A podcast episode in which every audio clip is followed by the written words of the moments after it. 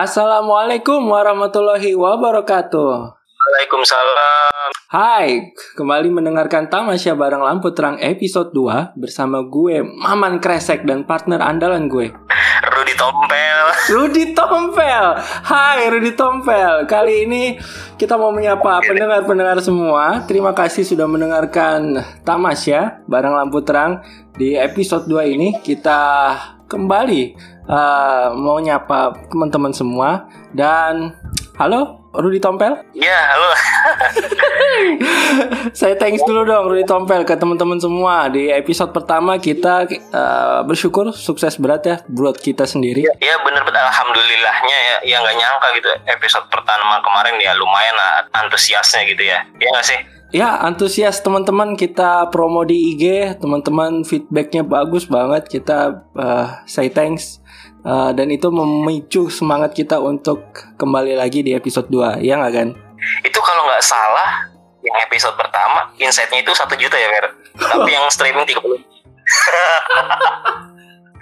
Ya anyway, terima kasih juga buat teman-teman ya yang mau luangin waktunya kemarin di episode yang perdana kemarin meskipun ya saya ragu dengerinnya pada sampai selesai. Nggak apa-apa nggak mesti selesai. Yang penting viralnya itu udah nyampe. Viral viral di lingkungan sekitar gitu ya apa lah. Viral masih di lingkungan RT lah belum sampai ke kelurahan. Podcast yang kemarin sampai ada nggak di WA grup keluarga lu? WA grup keluarga? Wah udah kan demi Allah udah gue kasih tuh. ke kakak-kakak gue. Bo- Kalau bokap nyokap kan belum ngerti pakai podcast kayak dengerin podcast maksudnya pakai Spotify. Nah kalau kakak-kakak gue udah gue promoin tuh untuk dengerin. Iya keren keren keren keren. Kalau lu gimana? ya nggak ada yang pakai nggak ada yang tahu. Gak ada yang tahu. biasa aja. Ah, anyway di episode kedua ini kita mau bahas apa nih Fer? Kira-kira. Episode 2 ya eh masih dalam suasana hikmat Ramadan di tengah wabah corona. Nah, kita mau coba sedikit flashback nostalgia ke masa kecil kali ya. Eh, ketika kita menghadapi bulan puasa seperti apa keseruannya sampai eh, kita menceritakan lagi ini udah 25 hari mungkin kita lewatin bulan puasa terus sudah masuk ke momen-momen terakhir bagaimana eh, pengalaman experience-nya apa yang dirasakan apa yang terjadi kira-kira gitu ya kan oh jadi Ramadan dari masa ke masa gitu ya persis banget persis banget oke jadi Oke kalau gitu gimana kita bahas dari zaman TK dari zaman TK gua udah waduh puasa tanpa henti itu luar biasa Oke, iya kali-kali kan lu inget gitu dari zaman TK. Ya, se seinget lu dari dari kapan ya? Mungkin waktu kecil lu gimana, Fer? Paling enak itu pas SD kan gue inget banget pas SD itu eh, puasanya sih ya nggak nggak masuk ke dalam kategori ibadah ya buat anak SD masih aja main-main kan gitu. Nah momen main-mainnya itu tuh yang gue inget banget nih. Kalau gue boleh cerita dikit waktu pas SD itu kita beli petasan untuk dari subuh itu untuk dimainin pas eh, selesai apa sholat subuh orang-orang pada bubar dari masjid musola kan kita langsung ngegas tuh pakai petasan. Ada petasan roket petasan jangwe terus petasan disco. Wah. Itu itu itu udah main maut duluan itu. Padahal baru mulai baru mulai puasa. Udah yang dicari itu itu duluan ya. yang dicari itu Petasan duluan. Kalau nggak ekstrim tuh nggak oke banget. Kalau lu gimana kan Iya, kalau gua sih sebenarnya ya kurang lebih sama lah ya kayak main petasan yang dicari kan itu zaman dulu ya karena abang-abang petasan kembang api ya munculnya ya pas menjelang puasa aja kan. nah itu juga gue heran muncul kenapa pas Eh. puasa Betul. Ya kurang lebih sama lah ya sama ya teman-teman mungkin yang se seusia kita ini kan ya mirip-mirip lah generasinya. Ya ya perang sarung ya. Terus juga yang kalau misalkan terawih yang ditunggu ya jajanannya bukan terawihnya. Wah, kalau gue beda, sorry nih. Kalau gue yang gue tunggu pas lagi sholat terawih itu minta tanda tangan imam masjidnya. Oh iya iya iya iya iya. Itu juga sih. Itu Lu nyatet itu juga ya. Wah. Lu nyatet ya sambil nyatet ya isi ceramahnya apa gitu kan. buku ini buku apa buku wajib itu zaman dulu kita itu Iya. walaupun juga isi nggak tahu apaan dari entah dari contekan sebelah atau gimana kan Tapi itu momen-momen yang kita rinduin banget sih selain tadi apa perang sarung. Gila lo perang Nah. sarung. Menurut lu mana nih yang damage-nya paling gede nih dari semua tipe sarung nih? Ada wadimor, gajah duduk, mangga besar, mangga dua. kalau gede damage efeknya itu menurut gua udah gajah duduk isi batu udah itu paling oke belum nyampe isi gear ya, gear motor belum ya, masih batu ya. belum belum parah cuman ya ya gitulah perang sarung ah, ya keliling-keliling itu itu momen sih kalau waktu zaman ini zaman zaman SD Masih SMP. terawih. Iya. kayak misalkan eh lo pasti kan ada tetangga-tetangga lo yang sebaya-sebaya gitu kan. Lo ngajak sholat bareng gitu kan. Terus habis itu habis kelar sholat terus ngajak jalan entah ke mana keliling-keliling. Lo ada momen gak kayak misalkan yang absurd teman-teman lo kayak gitu? Biasanya kan yang absurd teman-teman justru gitu ya bukan. Kita mah adem-adem aja baik-baik aja gitu kan. Disclaimer dulu nih Iya, gue ada pengalaman tuh. Itu udah naik ke SMP ya. Yang absurd-absurd itu justru pas SMP. Kalau yang SD itu biasanya bandel-bandel. Udah nanti eh, pas buka puasanya langsung ngincernya sirup ABC, sirup marjan itu disikat habis. Nah kalau di SMP yang tadi eh, lu bilang absurd. Nah absurdnya ini lebih ke namanya juga anak SMP ya. Kan suka banget tuh apa eh, mulai naksir naksir cewek. Nah kalau absurdnya gue kayak gitu kan. Jadi pas lagi mau sholat teraweh eh, kan yang ikhwan yang laki-laki jamaah laki-laki kan depan eh, ahwat jamaah perempuannya itu di belakang kan ya nah si anak deretan anak laki-lakinya ini ini duduk semua di barisan paling belakang. Nah tapi si anak-anak ceweknya ini ambil barisan paling depan gitu. Jadi hanya dibatasi hijab. Yang penting denger suaranya gitu. Ihihi gitu. Suara si cewek suara si cowok gitu gitu beda sih ya beda. Lu lu anak komplek ceweknya oke lah beda sama orang yang di perumnas perumnas kan susah itu ditemuin kayak gitu. Nggak banyak. Beda ya pengalaman Berapa? absurdnya. Emang kalau lu apa pengalaman absurdnya? Nah yang absurd teman gue ada sih. Jadi pas sholat ada lah. Ini nih nggak dipungkiri. Mungkin semua teman dari semua teman-teman di sana ada ketika lu lagi teraweh lagi sholat. Teman di sebelah lu nih pas lagi posisi tahiyat akhir kan tunjuk tuh naik ya. Diisengin. Entah itu dikasih jempol kayak sweet atau di keluar apa dimasukin jarinya dia. Tahu gak sih lo maksud iya iya. Yang dia gitu dibuletin jari tunjuk sama jempolnya. Keluar masuk keluar masuk nggak jelas. Kalau itu gue juga ingat temen gue telunjuknya digoyang-goyangin tapi goyang-goyangnya gerakannya itu bikin ganggu gitu.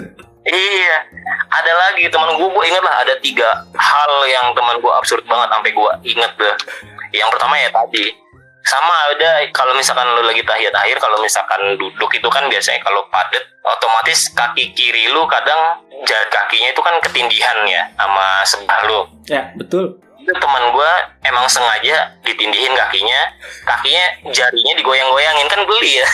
Goblok. ada kayak gitu. Ya itu itulah yang bikin kekusuhan sholat itu nggak ada sama sekali ya nol bulat orang cuman buat main-main doang ampun dah. Tapi itu ada yang lagi. Bikin kangenin iya misalkan nih ya ya kelar teraweh kan ya. Ini pengalaman gua sama temen gua sih ya. Yang nggak tahu mungkin teman-teman lu teman-teman yang lain di luar sana beda-beda kali ya.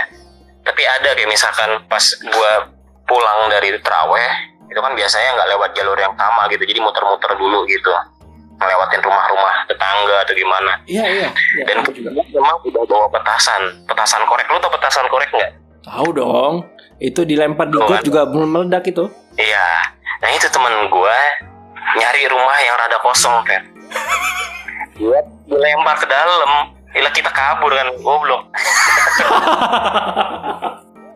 Anjir, aneh banget, absurd. wah. Itu sih yang gue inget. Jadi meresahkan masyarakat ya tindakan selama bulan Ramadan Parah. Ya gitulah. Iya, itu iya, itu iya. absurd sih ya bukan bandel absurd tapi absurd, namanya absurd. bocah. Iya, namanya bocah kan transisi menuju remaja kan gitu. Pasti ada aja perbuatan-perbuatan yang sebenarnya mengganggu orang sekitar, tapi ya mau nggak mau proses itu kan dilaluin. Ah, lu ada ini nggak pernah mabit nggak dulu mabit SMP gitu atau SMA mungkin Kalau mabit eh, baru gua alamin pas kuliah gak jujur. Kalau SM apa SMP SMA nggak ada. Mungkin lu ada cerita pas mabit gimana tuh? karena sekolah lu ya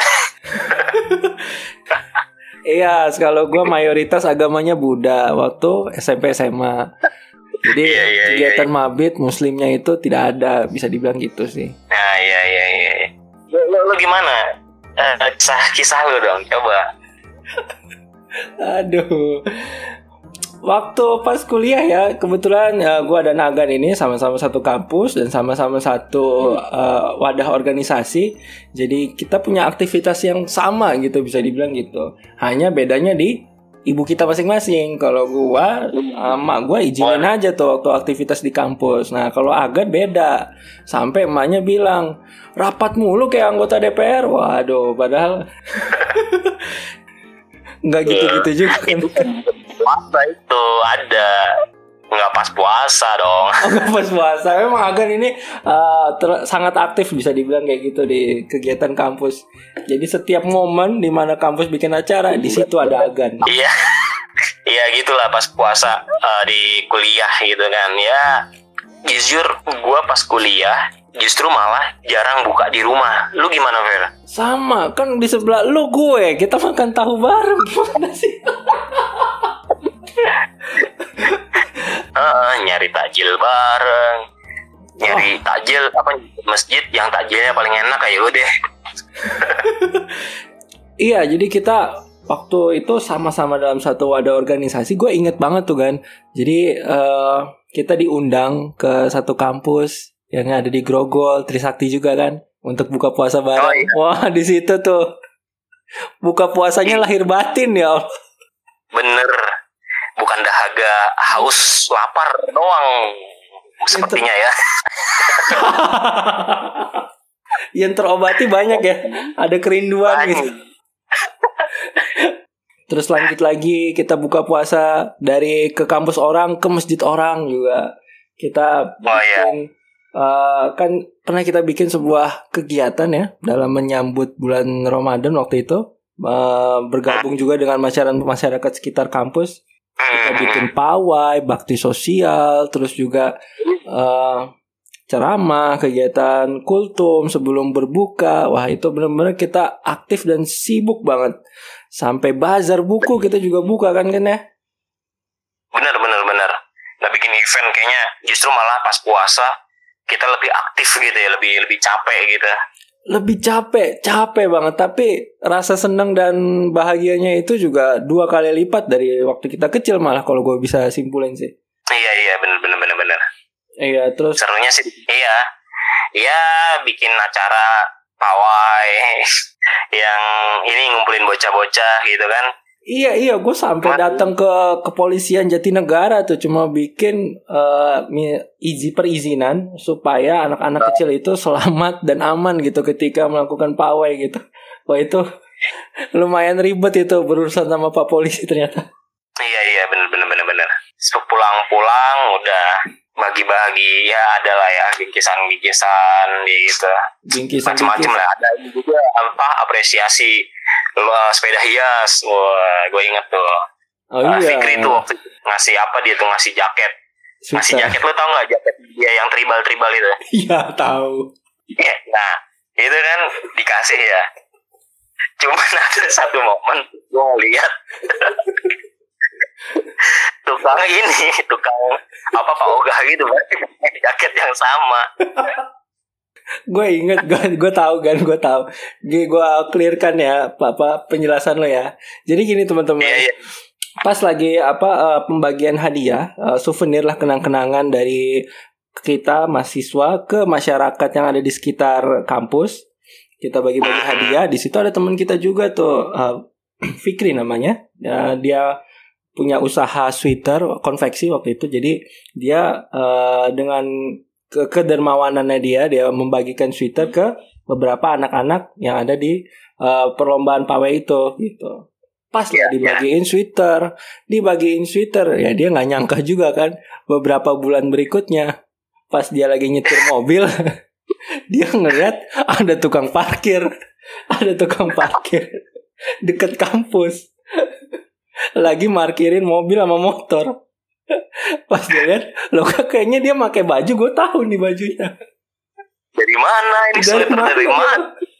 ternyata sih. Ternyata sweater dia guys dipakai sama tukang parkir Asli dah tuh Perasaan yang Pengakuan kita sih. kasih tuh anak-anak kecil lucu gitu Kenapa yang pakai dekil gini Eh, gua rasa itu di palak abangnya itu ya. Itu abangnya kali ya, yang ikut waktu pawai adiknya. Iya kali ya gitu. Iya terus dipalak abangnya Abangnya jadi tukang parkir emang dah. Nasib sial itu kan. Itu kan kalau kita jual lagi ke orang Orang mana mau make. Lah ngapain kau pakai sweater lo Sweater lo dipakai sama tukang parkir. Parah lu.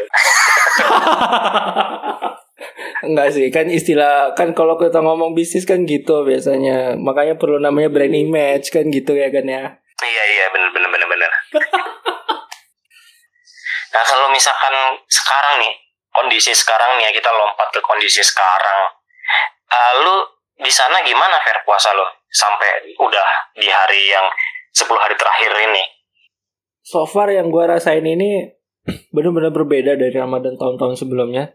Dari mana tadi kita sempat flashback kan keseruannya bulan puasa zaman itu. Nah sekarang lebih, gua rasa lebih hikmat meskipun banyak sekali keterbatasan kayak misalnya eh, sholatnya lebih di rumah, eh, tidak ada kegiatan berjamaah, terus juga buka puasanya lebih sedikit karena memang uh, kondisi gue saat ini berada di kota Kupang yang muslimnya minoritas. Jadi orang jualan tajil tuh lebih tambah sedikit. Namun yang uh, di balik itu semua ada hikmat yang jauh lebih dalam sih.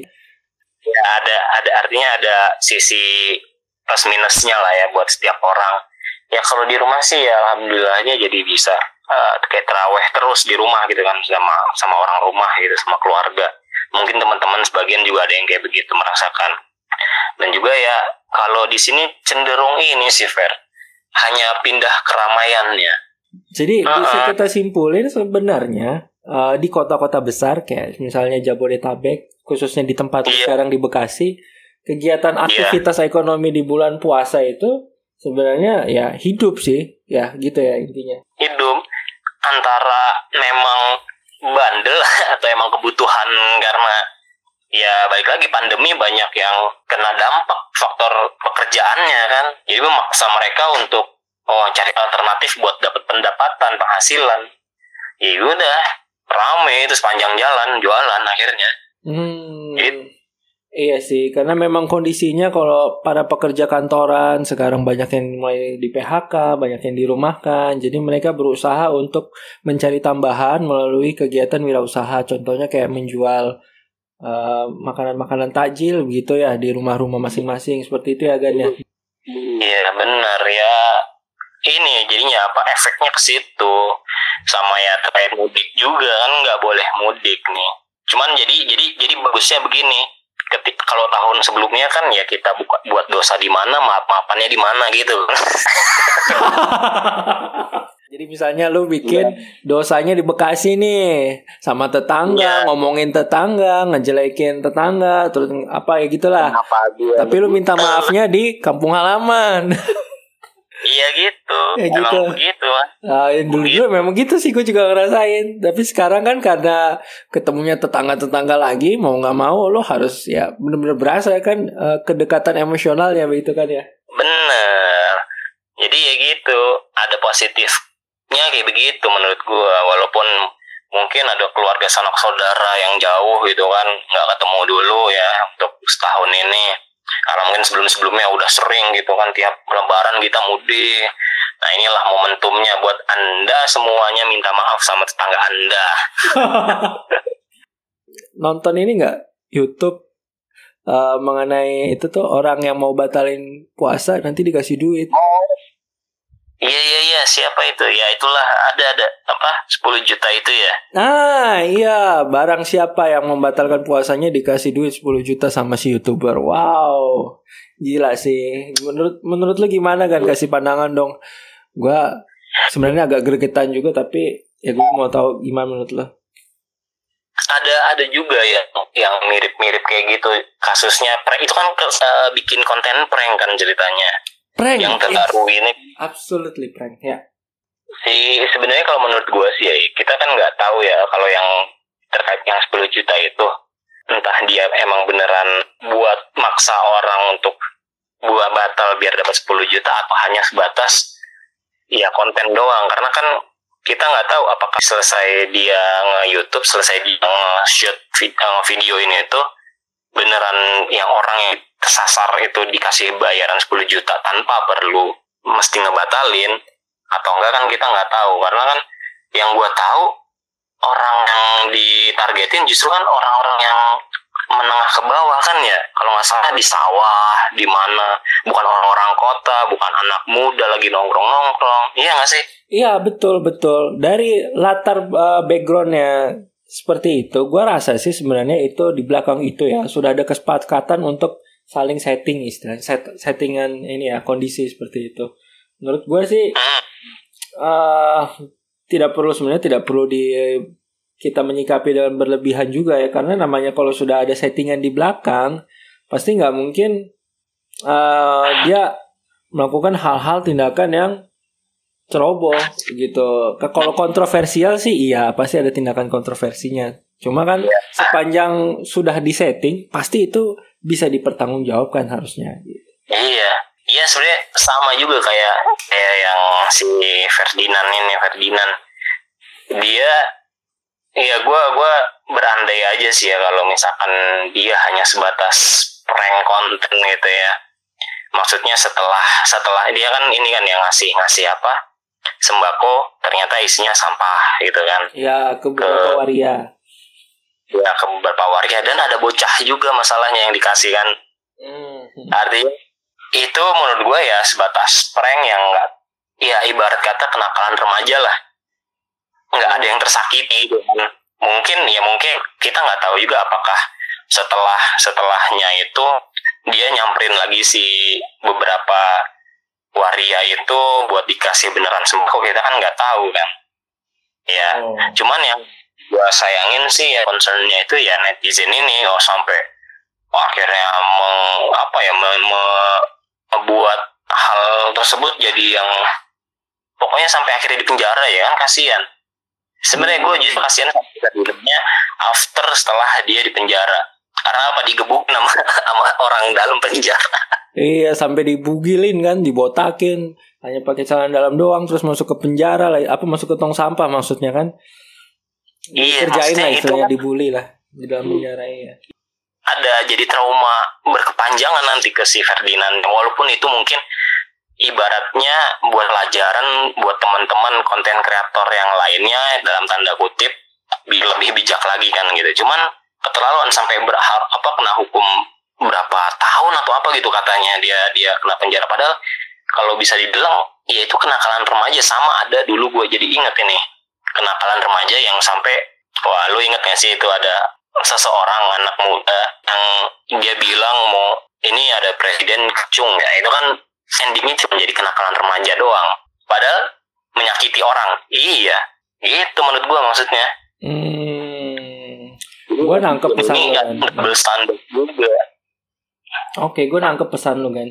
Namun kalau gue agak mau sedikit menambahkan, sebenarnya gue uh, ber, berseberangan opini dengan Agan, tapi ada sisi samanya juga sama sama lu kan dalam hal ini case-nya si Ferdinand ya. Kalau dari sisi berseberangannya itu, uh, mungkin memang ada settingan sebuah kondisi di belakangnya sehingga pas syuting take on kamera tiba-tiba dikondisikan seperti itu. Dia marah-marah bagi sembako sampah dan lain-lain. Tapi uh, masyarakat kan menangkapnya itu ada sebuah tindakan di mana uh, melanggar kemanusiaan istilahnya lo merendahkan martabat orang gitu. Orang lagi susah terus dia waria juga kan keluar malam nyari duit tiba-tiba lu datang uh, dengan istilahnya seperti membawa bantuan padahal isinya prank doang kan gitu. Nah di situ mungkin iya, masyarakat nangkepnya itu ah, lu ngerendahin apa martabat orang lu ya semua orang bisa emosi kali nggak cuma komunitas warianya aja tapi semua lapisan masyarakat jadi marah kan istilahnya gitu tapi yang, yang ya.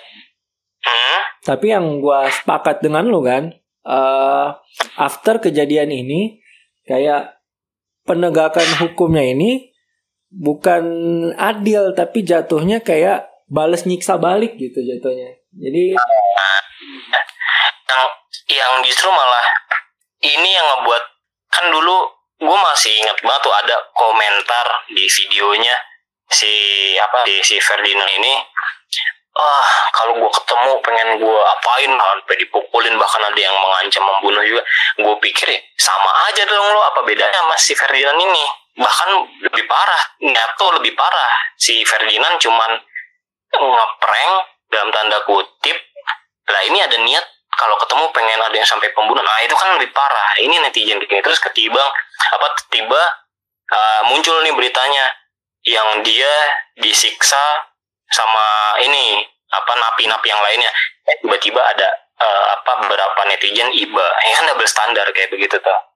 Iya. maksudnya gimana sih gitu nggak ada pendirian Iya artinya kalau dalam memberikan hukuman harusnya me me me meletakkan unsur keadilan kan ya. terus juga sifatnya itu uh, memberikan uh, pendidikan juga edukasi kan ke si pelakunya juga bahwa ya memang dia memang kenakalan remaja kan harus dididik supaya dia jadi lebih uh, ini lagi kan jadi jadi manusia itu lebih berperkemanusiaan istilahnya gitu kan iya sama ada lagi yang paling baru paling buat baru. Ada cewek siapa sih itu? Gue lupa namanya. Indira Kalista. Ya ya ya. Kalista, Kalista. sebenarnya kasusnya sih nggak nggak parah-parah banget. Dia cuman mengutarakan pendapatnya dia. Menurut dia PSBB bagaimana sih? Terus pandemik ini kayak gimana? Ya tapi kok netizen sekarang ini lebih kepada merasakan perasaan orang lain menjadi menjadi perantara perasaan orang lain ya paham gak sih maksudnya iya iya paham gua maksudnya jadi uh, kenapa netizen sekarang ini bukan netizen sih kita sebagai pengguna dunia maya gitu ya sedikit sedikit iya. mengecam iya. sedikit sedikit mengecam sedikit sedikit uh, mengancam nah kenapa nggak nah. kita bedah dulu kan istilahnya ya argumennya dia menarik loh sebenarnya argumennya dia kenapa dia bilang kenapa harus pakai masker, kenapa harus pakai hand sanitizer gitu. Apa sih ngaruhnya kan? Uh. Kan sebenarnya dia mau mengkritik kebijakan. Sebenarnya ada ada argumen yang menarik sih di situ. Jadi kalau kita bedah sebenarnya bisa kita balas dengan argumen juga sih, tanpa harus kita hadirkan kecaman dan juga ancaman terhadap si uh, Mbak Kalistanya ini sih menurut gue gitu. Nah ini sih yang gue sayangkan juga netizen sekarang kok lebih uh, kayaknya belum sampai ke level smart untuk dalam berkomentar. Ya gue juga ngerasa sih gue juga kalau komen sesuatu uh, lebih mengedepankan emosional daripada berpikir dulu gitu sih. Dan gue rasa iya. umumnya masyarakat kita kayaknya juga sama kayak gue juga jadi. Iya, karena nyatanya di beberapa negara yang contoh lah di Australia di Australia itu yang gue lihat dari updatean story-nya ada udah WMP di foto di sana memang orang warga lokalnya itu tidak dipaksa untuk pakai masker. Jadi ya udah mereka hidup normal kayak biasa. Hanya mengedepankan kebersihan cuci tangan itu harus physical distancing ya itu wajib. Tapi nggak sampai se itu. Ya pertama balik lagi ya pemerintahnya memang udah aware dari awal. Nah, kalau di Indonesia ya ya susah juga sih sebenarnya.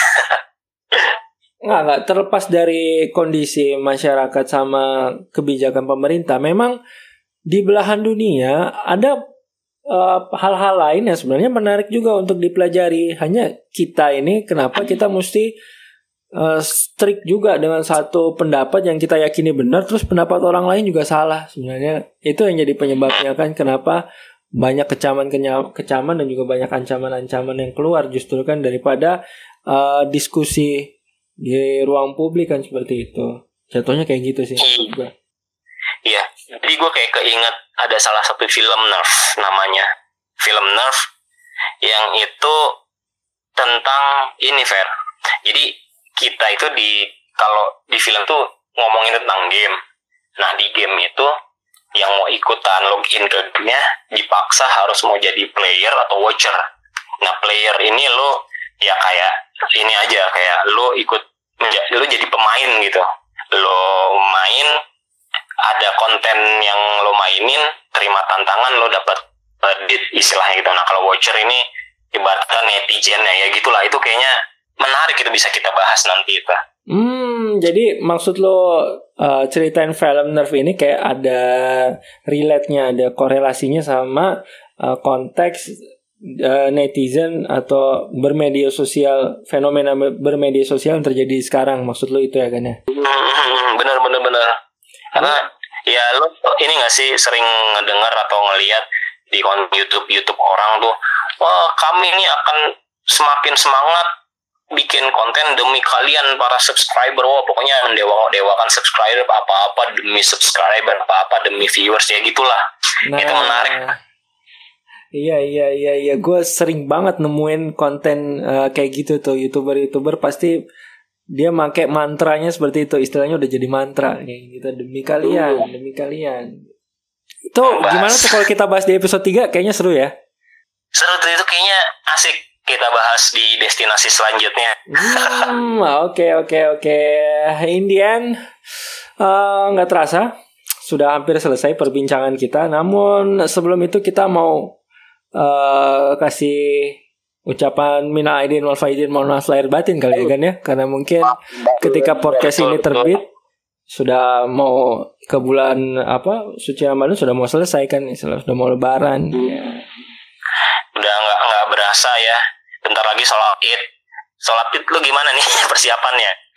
Wah, kalau dulu pasti uh, kita udah rame beli bahan makanan, nelpon-nelpon keluarga, terus juga mulai belanja-belanja baju, kan ada aja ya namanya tradisi keluarga kan.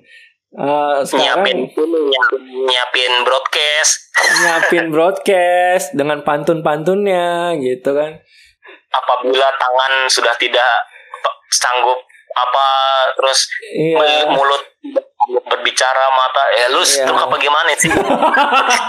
Apabila mulut dikunci mata tidak bisa terbuka otak tidak bisa berpikir wah kayaknya lu udah mati. Sekarat banget itu iya lo seharusnya lagi di ICU tuh kayaknya ya. ya tapi sekarang kita dipaksa kayaknya kayaknya kemungkinan sih emang nggak ada sholat id sih ya di masjid. Jadi di rumah masing-masing. Iya di rumah masing-masing. Dan mudah-mudahan itu nggak mengurangi hikmat kita dalam menjalani bulan Ramadan tahun ini ya. Karena masih tersisa lima hari kita manfaatin betul uh, momen-momen terakhir ini. Banyak-banyak berdoa banyak-banyak meminta banyak-banyak apa uh, bersedekah, berinfak juga. Mudah-mudahan uh, setelah ini karena kita akan menghadapi sebuah tantangan yang besar, mungkin dari bulan Ramadan ini kita bisa uh, ibaratnya apa ya? melambung lagi justru lebih lebih tinggi, lebih baik lagi kan dibalik uh, karena dibalik setiap kesulitan kan ada kemudahan, bener gak kan? Betul betul betul betul. Amin amin amin. Dan ini juga jadi momentum buat teman-teman semua minta maaf sama tetangga. Balik lagi ya, waduh. Kalau mau minta maaf yang uh, via medsos bisa juga nanti ke @famiputra 101 nanti. Waduh, Coba. itu? itu ada ini, ada ada ininya ya, per jam konsultasi ya. ya. Kalau ada mau bingung-bingung uh, gimana caranya minta maaf yang elegan dan tidak memalukan, nanti bisa langsung ke At Fahmi Putra iya, 101. Iya. Ya, jadi gitu uh, kira-kira gitu ya Gan ya. Uh, mudah-mudahan iya. masa pandemik ini cepat selesai karena sebenarnya kita kan nggak tahu ini kapan berakhir ya. Tapi harapan kita bisa secepatnya selesai. Orang-orang bisa kembali bekerja, bisa kembali menghidupi keluarganya masing-masing dan mudah-mudahan ada di balik setiap kesulitan ada kemudahan. Mudah-mudahan kesulitan di bulan Ramadan ini uh, bisa membuka tabir kemudahan setelahnya. Mudah-mudahan amin ya. Amin ya Allah. Oke guys, uh, kali ini cukup sekian dulu. Kita sudah ada di akhir destinasi perjalanan Tamasya kali ini. Uh, mudah-mudahan Yes. kita ketemu di episode 3 dengan membahas topik yang tadi sempat disinggung sama Agan. Keluhnya di situ ya. Cluenya itu. Iya. Jadi kalau teman-teman penasaran, uh, tetap dengerin kita di Spotify. Jadi mau tamasya ke mana kita? Ke mana pun perginya, tamasyanya bareng lampu terang. See you, bye. Bye.